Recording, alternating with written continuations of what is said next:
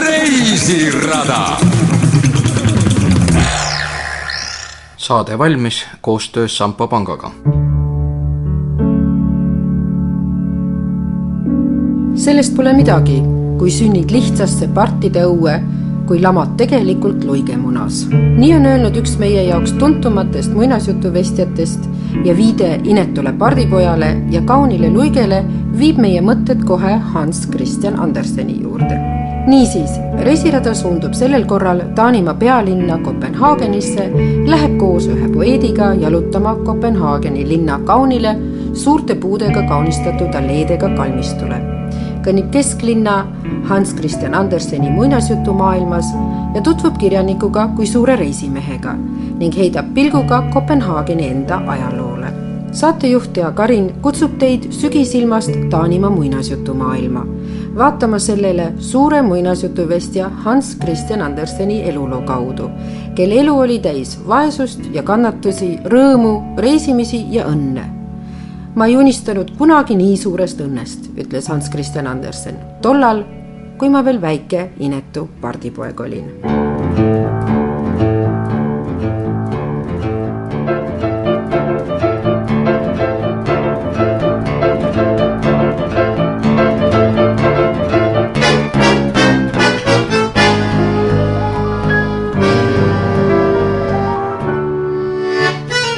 Hans Christian Andersen tahtis tegelikult juba oma lapsepõlves kuulsaks saada.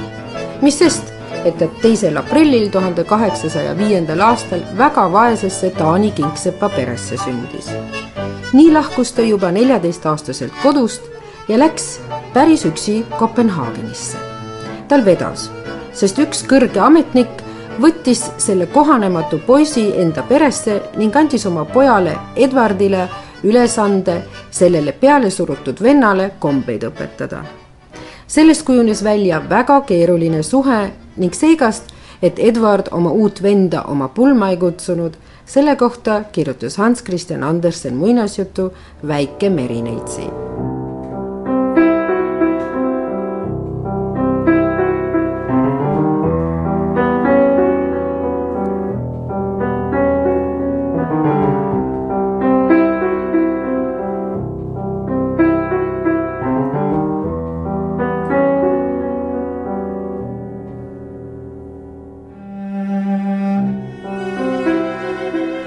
tänu Taani kuningas Friedrich kuuenda toetusele lõpetas Hans Christian Andersen kooli ning suundus reisima. Saksamaa, Prantsusmaa, Austria, Itaalia ootasid teda ees. ta kirjutas jutustusi ja draamasid. kuulsaks sai ta ka oma muinasjuttudega ja neid on kokku pea sada kuuskümmend.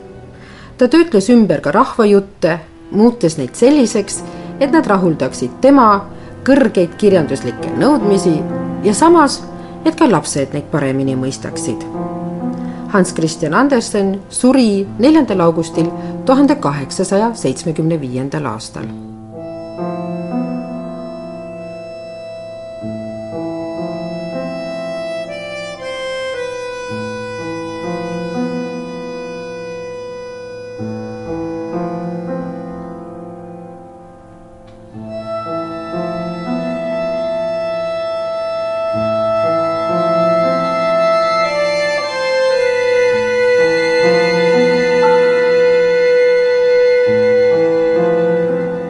aga enne kui istume pingile Hans Christian Anderseni kalmu juures, tutvume meie poeediga, kes hingestatult ja suurte teadmistega tutvustab meile nii kalmistut kui kirjanikku. kalmistu ise on nagu suur park, taani keeles assistents Kierkegaard, assistentsi surnuaed Kopenhaageni Norrebro linnaosas. kahesaja viiekümne aasta jooksul tema eksisteerimisest alates on temast saanud Taanimaa pealinna väärtuslikum kultuuriajalooline kalmistu, kuhu on maetud nii mitmedki Euroopa kuulsused. ka meie poeet Kristjan Kronemann on omaette kuulsus. I am so fond of this, I have this job of uh, showing people around on the assistant uh, cemetery. I have had it now for I think uh, five or six years and but it's a part of me being a journalist and a writer And then I'm a storyteller. Ma olen väga uhke, et teen siin assistentsi kalmistul ekskursioone juba viis-kuus aastat. üks osa minust on giid, aga teised osad on ajakirjanik ja poeet ja jutuvestja. eelkõige olengi ma ka tänavapoeet. selle idee peale tulin ma üheksakümnendate aastate alguses. ma mõtlesin, et ma peaksin seisma väikesel karbikesel kesklinna väljakul otse ümara torni ees jalakäijate tsoonis ja retsiteerima luuletusi. viis aastat ma tegingi seda. igal laupäeval lugesin oma karbikeselt luuletusi möödakäijatele, nii enda kui teiste omi, kõikidele, kes kuulda tahtsid. seetõttu kutsungi ennast tänavapoediks. Kristjan Kronemann leidis, et luuletused ei peaks olema vangistatud nendes tillukestes raamatutes. seal on neil paha ja kuiv luuletused tuleb tuua värske õhu kätte, päikese kätte, vihma kätte, inimeste vahele tänavatel. ja Kristjani näitlejast hea sõber Ben Conradi õpetas talle paar trikki esinemiseks, sest oluline on, et sa näed seda, mis sa ütled, muidu jääb see ainult sõnadeks. Your hair is like a black sheep's coming down from the mountain of Gilead, you know, to recite from uh,, to quote the uh, Song of Solomon uh, you must see this hair of this beautiful girl. You must see the girl for you, and you must draw on all the experiences you have from the beautiful girl you perhaps are so lucky to have yourself or somebody else's. You just have to see these pictures because if you don't see the pictures, the audience don't see the pictures. su juuksed on nagu must vill lammaste seljas, kes tulevad mägedest alla nagu seda kirjeldab Salomoni raamat. sa pead nägema selle tüdruku ilusaid musti juukseid ja su peas on mõtted sinu kogemustest ilusa tüdrukuga, keda sa tahaksid, et ta oleks sinu oma või on kellegi teise oma. sa pead nägema oma peas neid pilte, sest kui sina ei näe neid pilte, siis sinu kuulajad ei näe neid pilte. ja see kõik sobis aega, kui juttude vestmine muutus populaarseks, inimesed kogunesid väikestesse rühmadesse ja jutustasid üksteisele oma lugusid korraldati jutuvestmise festivale ja minagi tegin midagi sarnast oma luuletustega. ja Kristjan ütleb, et talle sai selgeks, et tegelikult ei teinudki ta ju midagi uut.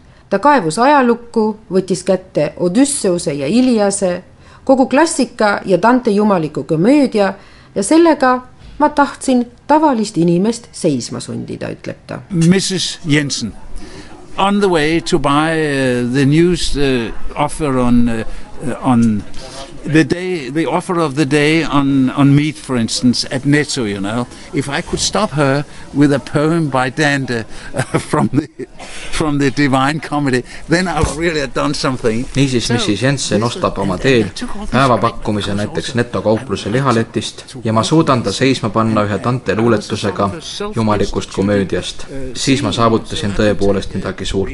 ma instseneerin kõike ise ma võisin valida stseeni olla või mitte olla, võisin lugeda oma eneseluulet ja siis ma sain aru, et vanad kreeklased, kui nad tähistasid midagi ühe jumala ülistamiseks, siis ka neil olid retsiteerijad, kes heksameetrise luuletusi ette lugesid. nüüd tegin minagi midagi sarnast, sest ka need lood Odüsseuse kojusõidust näiteks kunagi olid ju kõik suulised. ja Kristjan meenutab, et need kaks tundi laupäeva päeval olid tema jaoks tõeline väljakutse ja peale seda pakuti talle pidevalt tööd.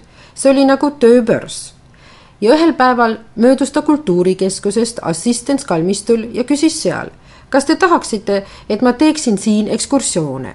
ja nemad ütlesid, et see sobiks neile väga hästi. sa võiksid olla tänavapoeet teiste poeetide seas, kes siin on.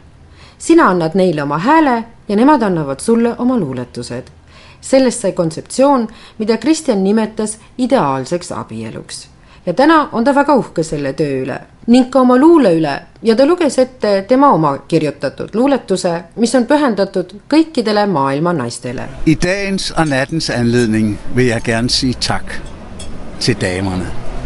Tak fordi I er sådan som I er, og for alle de gange jeg har fået lov til at se jer i øjnene og komme jer nær. I er over hele jorden, og det er jer, der lever den op og giver den børn. I er små piger, store piger, unge kvinder, kvinder og modne kvinder, gamle koner, guddommelige... selles luuletuses ütleb Kristjan, et ükskõik kui vana sa oled, sa oled alati jumalik oma ideedes ja hea suutäis lõvide hingele. sa oled mahe ja ümar, alati suuremeelne, isegi siis, kui pöördud minust oma kontsadel, suudlen ma sinist õhku sinu selja taga, sest sa oled parim, mille võib asetada valguse kõrvale. jalutuskäigul olemegi jõudnud Hans Christian Anderseni kalmu lähedale. siin on pink ja selle ees kui kividest laotud esisele täpsemalt vaadata, tunneb ära kirjaniku kõrge silindri. Well, we are now at Uh, the famous uh, grave of Hans Christian Andersen at the Assistance Churchyard. And it's called assistant, it, uh, stents. It's, it comes from the word assist. And uh, this is because this graveyard, uh, it was originally lying far out side of Copenhagen because the churchyards inside the walls of the old Copenhagen they could not have they didn't have room for all the, the burials. me oleme assistentsi kalmistul kirjaniku kalmu juures. selle nime on kalmistu saanud seetõttu, et ta on kaugel linnast väljas. linnasisesed kalmistud ei suutnud enam matmisi vastu võtta ja nii loodi kaugel-kaugel linnast ümbritsevatest müüridest eemal abikalmistu, toetamaks linnasiseseid kiriku aedu ja surnuaedu. kalm ise on üsna tagasihoidlik, sambakesega. ja siiski on siin midagi ootamatut ja erilist, mille kohta räägitakse palju lugusid. siia on ta nimelt maetud koos oma elu armastusega, ütleb Kristjan. And not very many people know this and uh, many people don't even know that he did have a love of his life Uh, and uh, also, there's nothing on the grave now, today, signifying that he is lying there with this person. paljud ei teagi, et tal üldse oli uh, eluarmastus. seal pole kalmule midagi kirjutatud, et seda teada saada. aga alustame algusest. Hans Christian Andersen tuli Kopenhaagenisse neljateistaastasena Füünenist. tal võttis see kaks-kolm päeva aega, ta jõudis linnamüüride ette, tal oli taskus vaid üheksa shillingit ja ainuke asi, milles ta võis kindel olla, oli see, ta tahab kuulsaks saada. ta ei teadnud veel, kuidas, kas tantsijana või kellena ja nii läks ta ühe kuulsa baleriini juurde. ta võttis oma kõrge kaabu kaenla alla, kasutas seda tamburiinina ning alustas metsikut tantsu. see võttis väga vähe aega, kuni ta trepist alla visati kaabu ja saapad järele. It didn't take long before he was on his way down the stairs with his boots and the hat after him. aastaid hiljem, kui baleriinist oli saanud prima baleriin ja Andersen oli tõusev täht, siis meenutas ta, et see mees oli küll hull. ja seda ta oli, ütleb Kristjan. tollal oli tõusmas uus ühiskonnaklass, need olid ametnikud. Nemad olid saanud rikkaks ja võimukaks oma isikliku tööga ja nemad tahtsid seda raha ka kasutada mis tõi kaasa selle, et oma rahaga taheti kedagi toetada. ja intelligentsia kihist pärit toetajatel tekkis tunne, et Andersen ongi just täpselt see, keda nad olid oodanud. Anderseni kõrglend jäi Taani ajastu kuldaega, mis algas tuhande kaheksasajandal ja kestis tuhande kaheksasaja viiekümnendateni. nüüd, seistes selle suurmehe kalmu ees, on paljud üllatunud, ütleb Kristjan, et ausammas sellel nii tagasihoidlik on. There's a monument of Hans Christian Andersen reading for the children in the Central Park in New York. And that monument could have this uh, thing on Andersen's grave here at Assistance in his uh, breast pocket, you know, as a, as a handkerchief.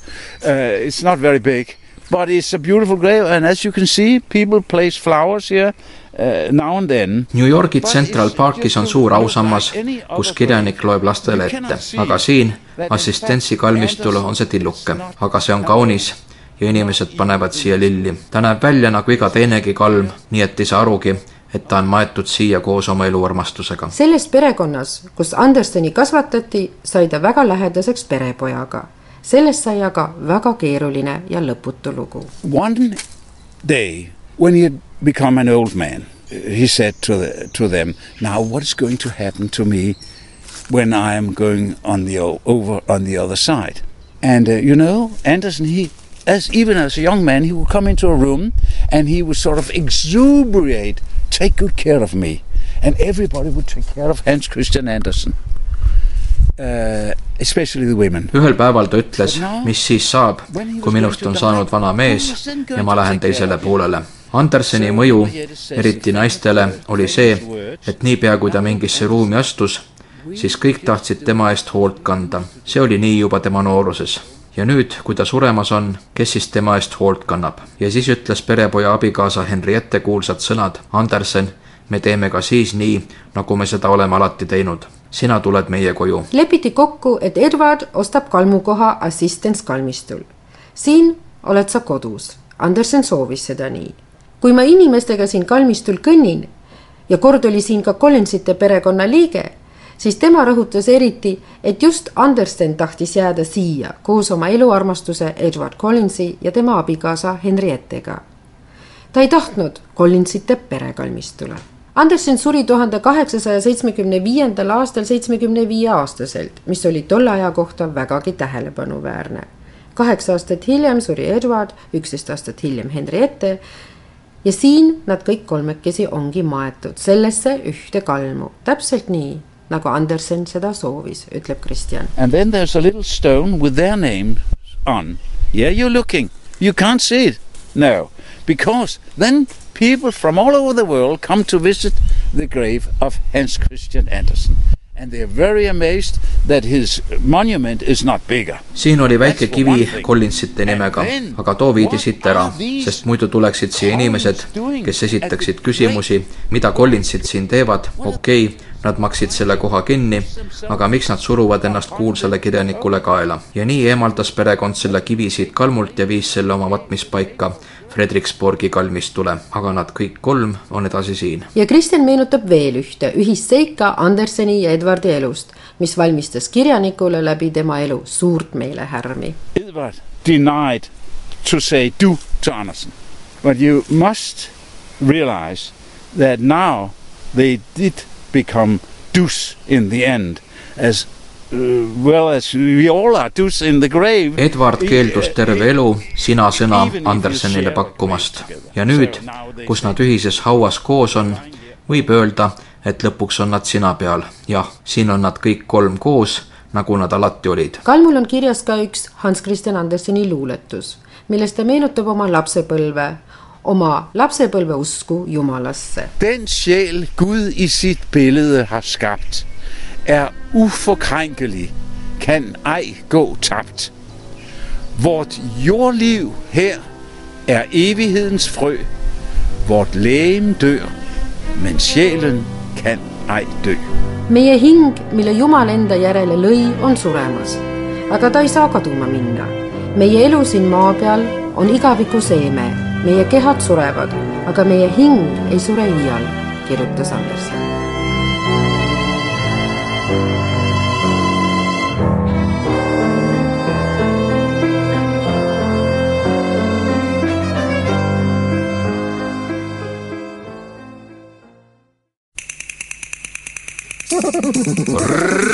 Reisirada But what do you like about the ugly duckling? I don't know. That's the moral. Uh, the morale. The moral. vahepeal on kalmu ette sõitnud Taani jaoks tüüpiline jalgratas. jalgratas, mille ees on suur kast ja selles istub kaks noort daami, Cecilia ja Amanda. Ja meie vestlus viib Anderseni muinasjuttudeni. inetu pardipoeg on see, mis neidudele kõige rohkem meeldib, sõnumi pärast mida ta edastab. It tells that you have to be yourself and it's okay to be different. see ütleb, et sa pead olema sina ise, ka siis, kui sa teistest erined. kolmekümne seitse aastane Anders, kes juhib jalgratast, on nende onu, kes on viinud noored daamid fotosafaarile Kopenhaageni erilistesse paikadesse. Onu Anders on selle jalgratta spetsiaalselt fotosafaari jaoks soetanud ja nii me vestlemegi järsku jalgratta teemadel. It's new, it's from yesterday and it's a Christiania bike. Did you buy it? Yeah. Is it expensive? Everything is, uh, it depends, it's cheaper than a car. Perhaps you should say something about Christiania because it's something very special for Copenhagen or Denmark. You know, that's where uh, they sort of have made a state in the state. see on päris uus jalgratas alles and eile ostetud ja see on Kristjanina jalgratas kui võrrelda autoga, siis on ta palju odavam ja Kristjanina jalgratastel on peale selle veel täiesti oma ajalugu. tegemist on sotsiaalse eksperimendiga nende jaoks, kes ei taha sulanduda tavanormidesse. üheks selle väljundiks on ka jalgratas. Selle konkreetse jalgratta eripära seisneb selles, ütleb Andres You can take two girls that's 15 years old and sit and photograph without moving anything. 100 kilos, so we're just below. sa võid võtta kaks tüdrukut kes on viisteist aastat vanad, viia nad pildistama ja sõita ringi veidi vähema kui saja kilogrammiga siin kärus. nii palju saab siia peale laadida. And how is it to sit here? It's, nice. You like it? yes. How is it inside? It's not so much space No. actually. They've only been there for five minutes. so, ja Andres jätab ratta nüüd endale, sest ka tema väike laps tahab transportimist ja pealegi on seal sees väga tore istuda, ütlevad tüdrukud ja Kristjan lisab, This one, it's made at the Christiania. And that's why, you know, when you ride a Christiania bike, then you're sort of on the right side of the uh, political line or whatever it's called. and now I should say so, in addition to this, that the Christiania now, last year, there was an arrangement that the, the Christianites, people living out there, they actually bought these houses. kui sa sõidad Kristjania jalgrattaga, siis oled sa poliitilise joone õigel poolel. Kristjanias tehti eelmisel aastal korraldus, et need inimesed, kes seal elavad, võisid need majad endale osta, nii et võib öelda, et see muudeti tsiviilsemaks, aga sotsiaalne projekt kestab edasi. inimesed tervest maailmast tulevad sellega tutvuma, seetõttu on poliitikud ja mitmedki valitsused katsetanud seda süsteemi lõhkuda, aga siiani pole see õnnestunud, sest selles on ka midagi head. aga on olemas ka oht, et kõik normaliseerub, ütleb Kristjan. Aga nad loodavad siiski, et need võitlevad hinged jäävad alles ja Kristjanina jääb selleks värskeks tuuleks, mis ta on olnud siiani. siin kalmistul on ka kultuurikeskus, milles võib tutvuda Kopenhaageni ajalooga. tollal, kui Hans Christian Andersen saabus Kopenhaagenisse This Copenhagen that Hans Christian Andersen arrived at in 1819, that was a dirty Copenhagen, I tell you. And you had to where you put your foot, and you had to look what came from above. Outside of the walls, you were not allowed to build because you, tollal, kui Hans Christian Andersen linna tuli, oli see linn väga räpane. see oli aastal tuhat kaheksasada üheksateist. sa pidid vaatama, kuhu oma jala asetasid ja mis sulle ülevalt kaela sadada võis. müürid ette ei tohtinud ehitada, et vaenlane ei saaks ennast kuskile peita. nii et väljaspool olid sa lihtsalt maal. kui sa Kopenhaageni kodanikuks said, siis igaüks võttis endale vähemalt ühe lehma, kelle jaoks oli linna sees tükikene rohtu. Need müürid, siin võib näha, kus olid kirikud. siin ei olnud palju ruumi, tollal oli prestiižikas siiski kesklinna maetud olla. siin linnamüüri ees tekkis vaeste surnuaed. täna on see aga lausa linna keskpaik. tollal tulid siia ainult need, kes ei saanud valida, kuhu neil pärast elu minna tuleks. seetõttu nimetatigi seda vaestekalmistuks. aga ajad muutusid ja silmapiirile ilmus Johann Samuel Augustin, üldtuntud isik, kellel oli mängida juhtiv roll When he felt that he was going to die, he said, he wrote in his last will that I have no, never wanted to be uh, a nuisance to anybody. Not when I live, nor when I die. I want to be buried on the poor people's church out, outside Nørreport. kui ta tundis, et surema hakkab, siis pani ta kirja oma viimasesse soovi, et ma ei ole iial tahtnud olla kasutu. ei siis, kui ma elasin, ega siis, kui ma olen surnud. ma tahan saada maetud vaeste surnuaiale väljapoole linnamüüri, Nõrrebruule. Then, from one day to another, it became fashionable to be. Then this cemetery became mundane. Now everybody wanted to be buried out. Now there wasn't room for the poor. Now everybody wanted to be buried out here. ja siis sai üleöö see popiks, siia maetud olla. vaeste kalmistus sai mondaanne paik, kõik tahtsid järsku siin kalme omada ja vaeste jaoks ei olnudki enam ruumi. teine asi veel, siin on kirjas tema viimane soov ja tema kalmul on hiiglaslik ausammas. ka see on midagi erakorralist, sest linna keskel ei saanud kalmistule mingit suurt ausammast püstitada. väljaspool linnamüüre said sa iseendale ausamba püstitada, nii et kõik järeltulevad põlved võivad näha, mida kõike sa head oled korda saatnud. kuna ametnike klass oli kasvanud tugevaks, nad tegid palju head ühiskonna jaoks, annetasid raha vaestele, siis nemad tahtsid, et neid mäletataks. Ja seda said nad siin assistentskalmistul teha, sest siin oli ruumi suurte ausammaste jaoks, ütleb Kristjan. ja skulptorid said tollal palju tööd, ehitades hiiglaslikke ausambaid vanade sümbolitega antiikajast, et anda teada kõikidest heategudest, mis oli korda saadetud. Kuldne aeg ei olnud Johann Samuel Augustini surmast tuhande seitsmesaja kaheksakümne viiendal aastal kaugel, siis kui romantika saabus lõuna poolt ka Taani ja sellel perioodil oli üks rahvuslik katastroof teise järel, õhus oli oht, et Taani haihtub. And then at the same time we have all these geniuses coming up, walking around in this little put Copenhagen, uh, you know, and putting Denmark on the world map more than ever. and in a completely different way from by the sword. You know, it's by the pen and by the genius, by the mind. ja just sellel ajal tulevad siia meie geeniused, kõnnivad väikeses Kopenhaagenis ringi ja viivad ta maailmakaardile. ta paistab välja rohkem kui kunagi varem ning hoopis teisel kujul kui mõõga läbi. Nad toovad kuulsuse pliiatsiga, oma geniaalsusega, mõtetega. see on aeg, kui vormus Taani eneseuhkus. see mõte et me ei ole väga suur maa, aga see osa meis on suur. Taani on väike ja vaene maa, aga just see osa ei ole väike, sest meie oskame midagi teha, mida mitte keegi teine ei oska. see on uhke tunne, sest see, mis väljaspool kaotsi läheb, tuleb siseselt tagasi võita. siis tuleb kõik need asjad kokku võtta, läbi loksutada ja tulemuseks ongi taanlane. ja kõik need surematud geeniused kõndisid Kopenhaagenis ringi.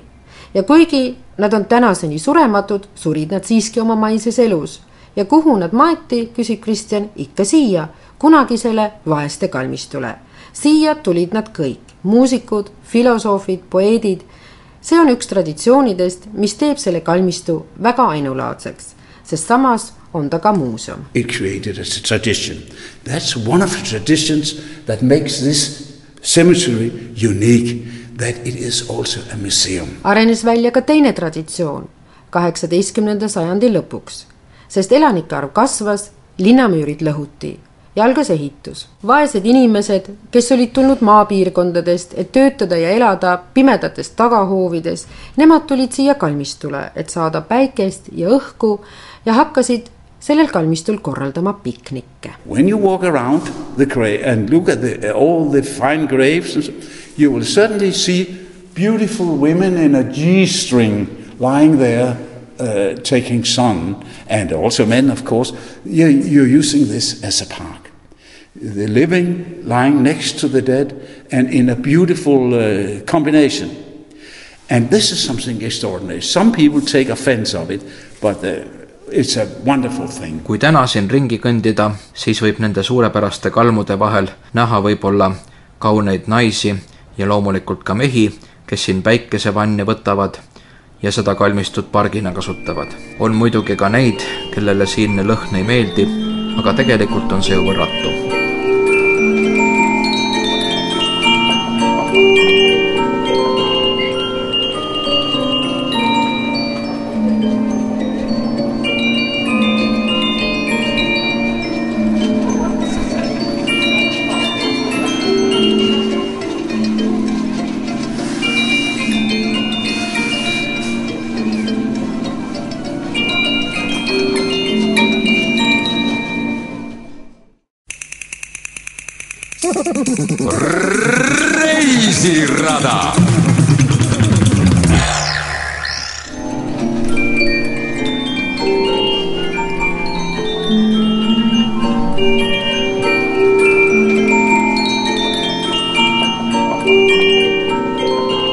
tagasi Hans Christian Anderseni muinasjuttude juurde. otse Kopenhaageni kesklinnas on kirjaniku muinasjutumaailm. seal on tuntumad muinasjutud milledest võib läbi jalutada, meenutada, lugeda, vaadata muinasjutufiguure. I begyndelsen af 1819 forlod jeg Odense med store ambitioner, og jeg så København for første gang. I tre år prøvede jeg på at gøre karriere som skuespiller, danser, sanger og skuespilforfatter, men uden succes. Og i mere end et tilfælde var jeg helt ude af den og, og på randen af selvmord. Men endelig begyndte nogle indflydelsesrige folk at vise mig interesse. Bestyrelsen for det kongelige teater sagde, at jeg burde blive sendt til en latinskole langt væk i Slagelse for at få en god uddannelse. või tutvuda ka Hans Christian Anderseni elulooga, kuidas algas tema kõrglend, aeglaselt Kopenhaagenis, tema tutvused, kannatused, mõtted, reisid. Jeg nyder også at lave papirklip, specielt når jeg fortæller en historie til et barn.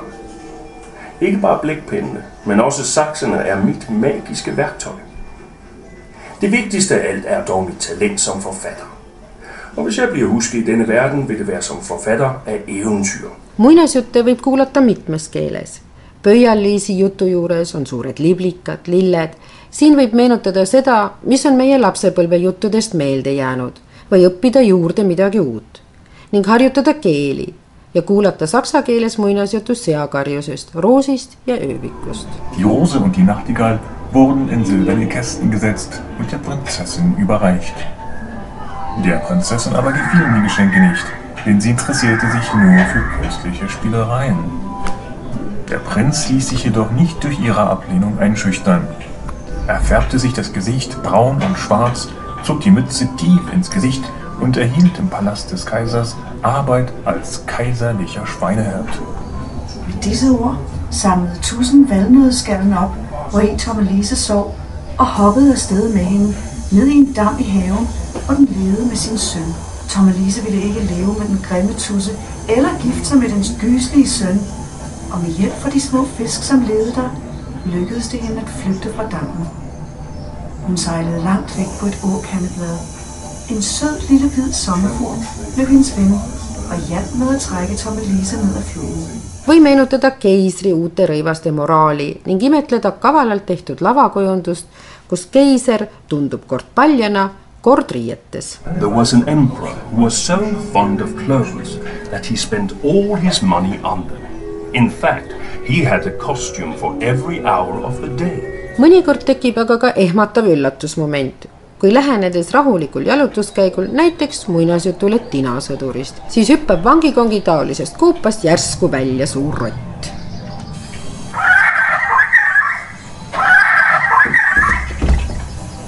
Princess!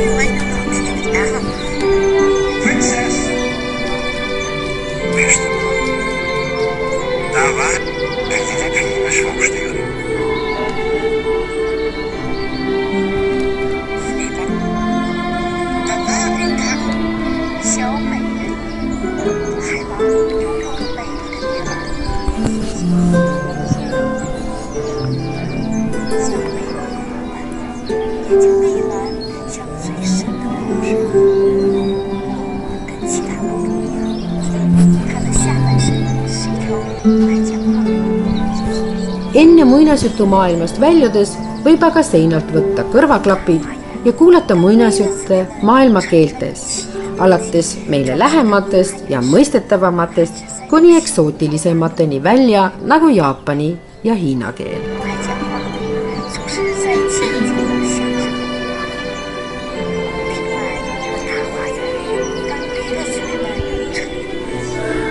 reisirada Taani pealinnast Kopenhaagenist on sellega lõppenud.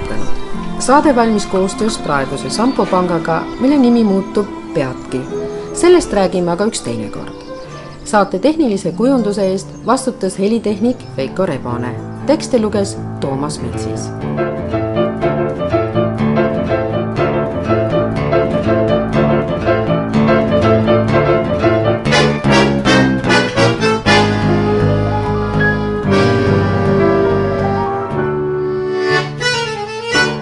Saatejuht Tea Karin loodab, et ehk tuli teil jälle tuju võtta ühel sügisõhtul kätte raamat Hans Christian Anderseni muinasjuttudega. lugeda üks või kohe mitu neist ette lastele või lihtsalt iseendale ning meenutada meest, kelle eluõnn tõi kaasa ka palju takistusi. nii ei leidnud tema armastus iial väljundit, mille järele ta aga suurt igatsust tundis ta püüdis paljudele naistele meeldida, siiski edutult. Ja võib-olla oli selle põhjuseks kirjanik Friedrich Hebeli poolt sõnadesse pandud kirjeldus. Hans Christian Andersen oli pikk, lotendav, veidi kössis, eriliselt inetu näoga. teada on ka, et muinasjutuvesti oli hüpohondrik ning kannatas depressioonide all. tal oli pidev hirm kaotada oma vara, oma mõistus ja ta reageeris väga tundeliselt igale negatiivsele kommentaarile, mis põhjustas tal palaviku. Mees, kes kirjeldas oma elu kui sõbralikku muinasjuttu, püüdis oma haiget hinge ravida reisidel. ta põgenes välismaale, et saada vabalt hingata. kaasas oli tal alati tükike nööri, et juhul, kui hotellis tekib tulekahju, saaks ta end aknast välja ronidest päästa. temalt pärineb aforism iga inimese elu on Jumala poolt kirjutatud muinasjutt. Mina tahan aga selle reisiraja saate lõpetada oma lemmikaforismiga Hans Christian Anderseni sulest. see kõlab nii. elust üksi ei piisa, ütles liblikas. on vaja ka veel päikest, vabadust ja väikest lillekest sellega soovib saatejuht Jaak Arin ka teilegi sellesse sügisesse veel päikest, teie ellu vabadust ja et kusagil oleks alati ka lilleke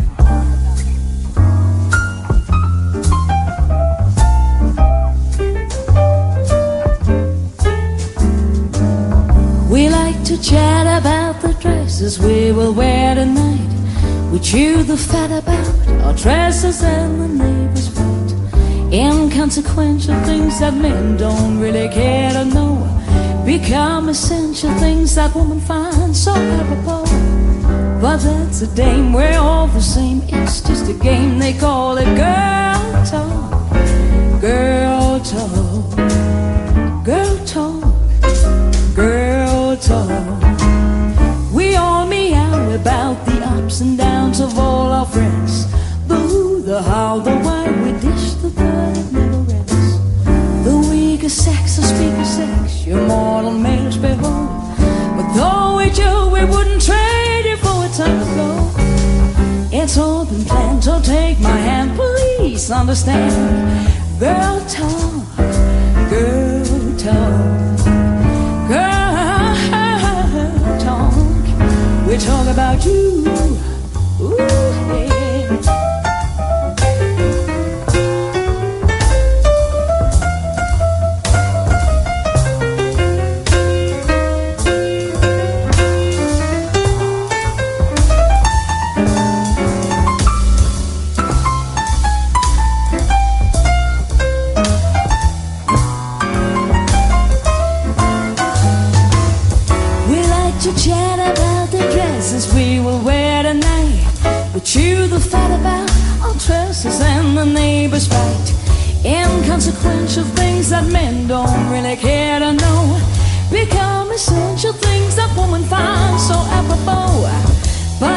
Dame, we're all the same. It's just a game, they call it girl talk. Girl talk. Oh, girl, girl talk. We all meow about the ups and downs of all our friends. The who, the how, the why, we dish the third, it never ends. The weaker sex, the speaker sex, your mortal nails behold. But though